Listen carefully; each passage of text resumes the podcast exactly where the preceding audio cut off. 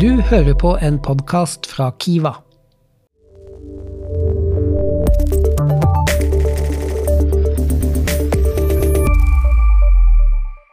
Velkommen til Sektalk. Jeg er Stein Arne, og med meg i podkaststudio har jeg Lars Henrik Gundersen, administrerende direktør i Norsis, og Harald Sjølberg, teknisk leder for systemsertifisering i Kiva. Og I dag så skal vi snakke om veien til en sikker virksomhet, og prøve å gi noen tips til enkle og konkrete tiltak som dere kan gjøre. Vi hører jo stadig om mer kompliserte trusselbilder og en datakriminalitet som blir mer og mer aggressiv og sofistikert. Og det er lett å miste motet og tenke at dette er uhåndterlig for en liten bedrift med begrensede ressurser og kompetanse. Men heldigvis er det hjelp å få, og vi har noen eksperter i studio i dag, så jeg spør rett og slett hvor starter vi, Lars Henrik? Ja, og Vi pratet litt om sikkerhetskultur i en tidligere episode, og det er jo et godt sted å starte. For det man fort kan glemme, er at teknologien og den menneskelige faktoren, altså sikkerhetskulturen, det går hånd i hånd, og at begge deler er kjempeviktig. Så det er to innganger til dette her, sånn, men en av de første tingene man kan starte med, det er å få dette her i ryggmargen. Få det på plass, få det prioritert, eh, få det opp på agendaen og si at dette er viktig for oss. Så jeg ville starta der. Fordi at eh, Når man begynner å prate om sikkerhetskultur, så kommer man også over til de mer sånn teknologiske aspektene og konkrete tiltak og konkrete løsninger og systemer man kan kjøpe og slå på. alt dette her sånn. Så start med sikkerhetskulturen og prat om sikkerhet.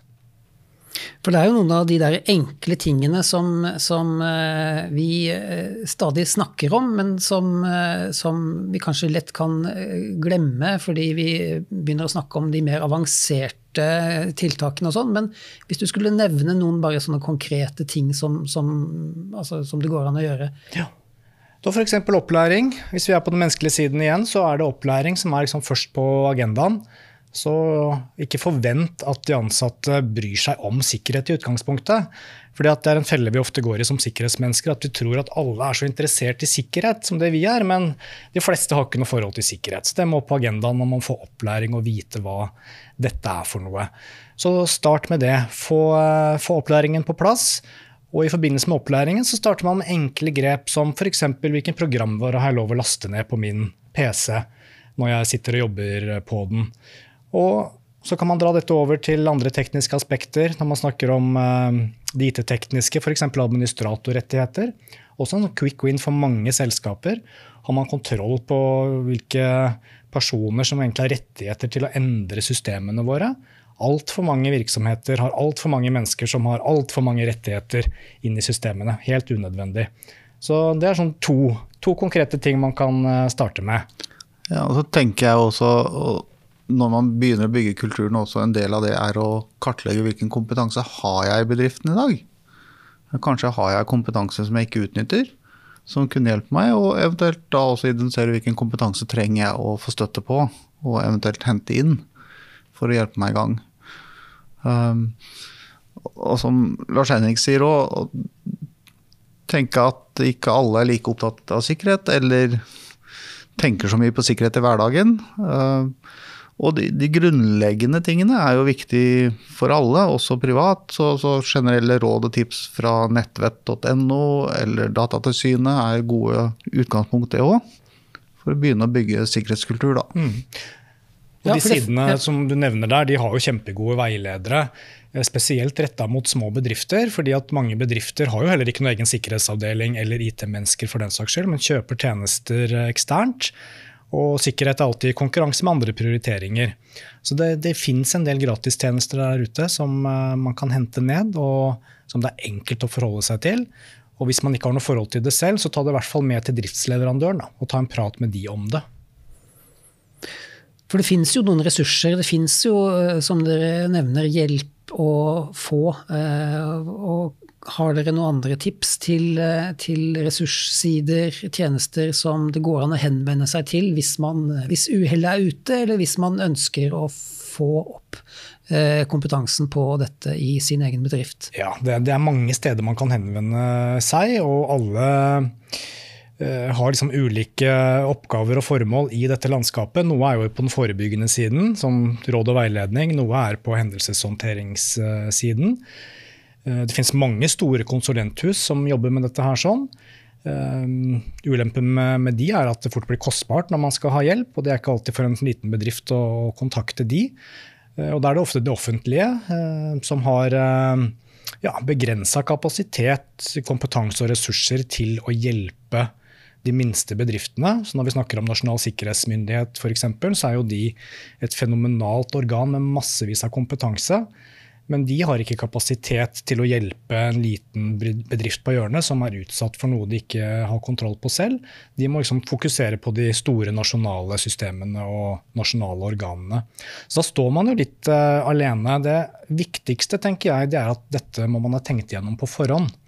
Så før man står i en situasjon hvor man er nødt for å ta opp en telefon og ringe noen, uh, så må det inn i en form for beredskapsplan. Om ikke det er en konkret plan, så i hvert fall at man har diskutert dette i styret eller ledelsen. Tenkt igjennom ok, hvis bedriften min nå går ned, da, hvem skal jeg da kontakte? Det må, det, må, være en liste jeg kan hente opp.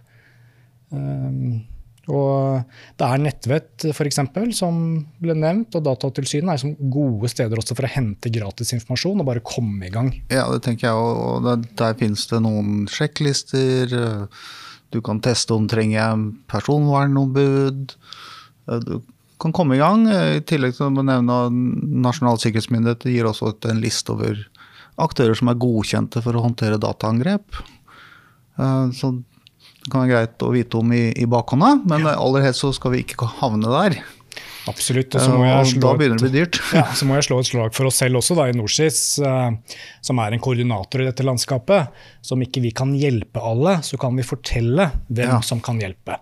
Så det er også mulig å kontakte oss via våre tjenester uh, for å få et, et lite startpunkt. Da. Ja, veldig viktig. Og så tenker jeg at som Lars Henrik sier, at det er, det er utrolig mange aktører på markedet. Mange som tilbyr. Noen eh, er internasjonale, globale aktører. Og, og det finnes også rådgivere som er mer lokale. Det er klart det er viktig å finne løsninger som passer for din bedrift. Da. Eh, I tillegg så kan man jo vurdere en uavhengig partsvurdering. Eh, altså en sertifisering, da.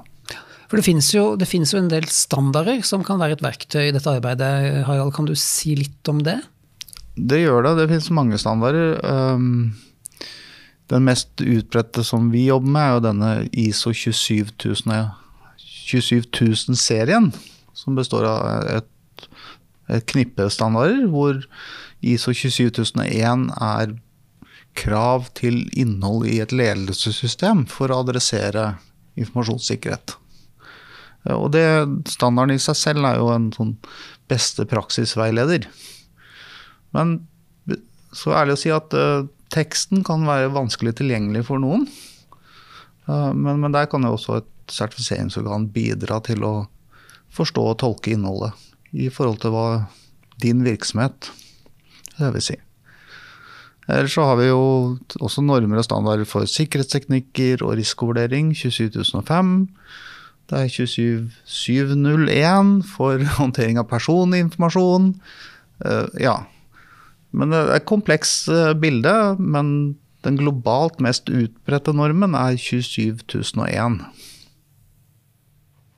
Ja. Eh, men eh, det er klart at her er det, som du sier, det, det, det, det er mange standarder. Det er mange, er mange, steder å henvende seg. Det er mange ting å, å, å, som man skal huske på. Det kan virke litt sånn eh, kronglete og uoverkommelig, men eh, hvis vi helt til slutt skal, skal, si noe om Hvis du er på, helt på bar bakke, hvis du tenker at dette er noe vi ikke har tatt tak i i det hele tatt, hva er eh, det viktigste vi må ha på plass? Lars Henrik, du kan eh, komme med en eh, veldig sånn konkret basisliste ja. på, på, noen ting som vi skal uh, ha på plass som et minimum av det vi Absolutt. tenker å, å, ha som tiltak. Og Jeg vil jo gjerne at man skal ha masse tiltak på plass, men så må man forstå at alle har ikke kapasitet og økonomi til, til det. Så man må starte et sted. Og har man ingenting, eller kanskje man ikke har noe forhold til sikkerhet i det hele tatt, eh, men kanskje har en driftsleverandør eller en eller annen person internt da, som har et form for ansvar for sikkerheten, så må man som leder sette seg ned med den personen, og da er det liksom tre ting da, minst som man må prate om. Det ene er har vi sikkerhetskopiering på plass av dataene våre.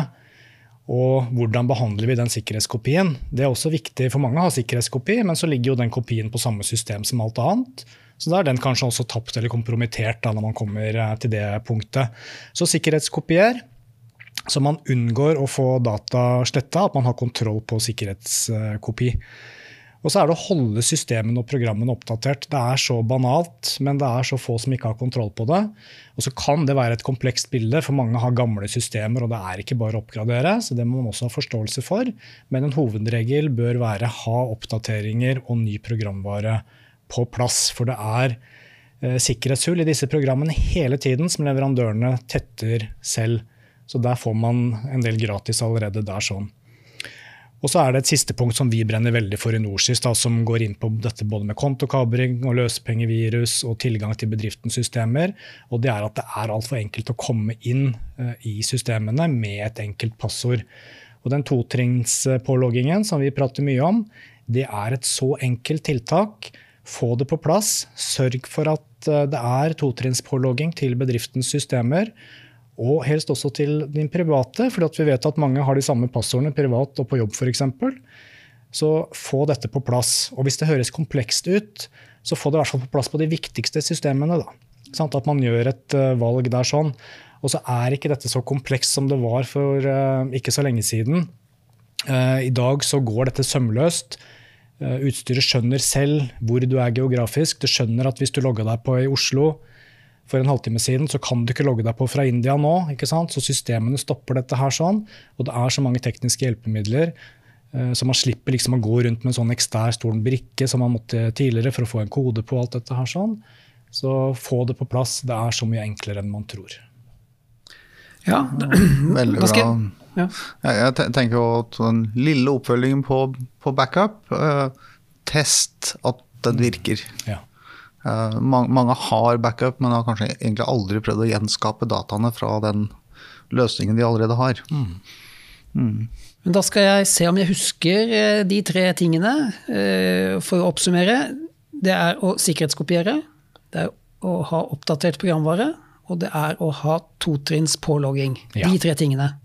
Det er det viktigste, og da har du en god start, og du begynner å få en god kontroll allerede med de tre enkle tingene. Det er en eh, bra konklusjon. Da sier jeg tusen takk til dere, og takk for nå. Takk. Takk skal du ha. Du har hørt en podkast fra Kiva.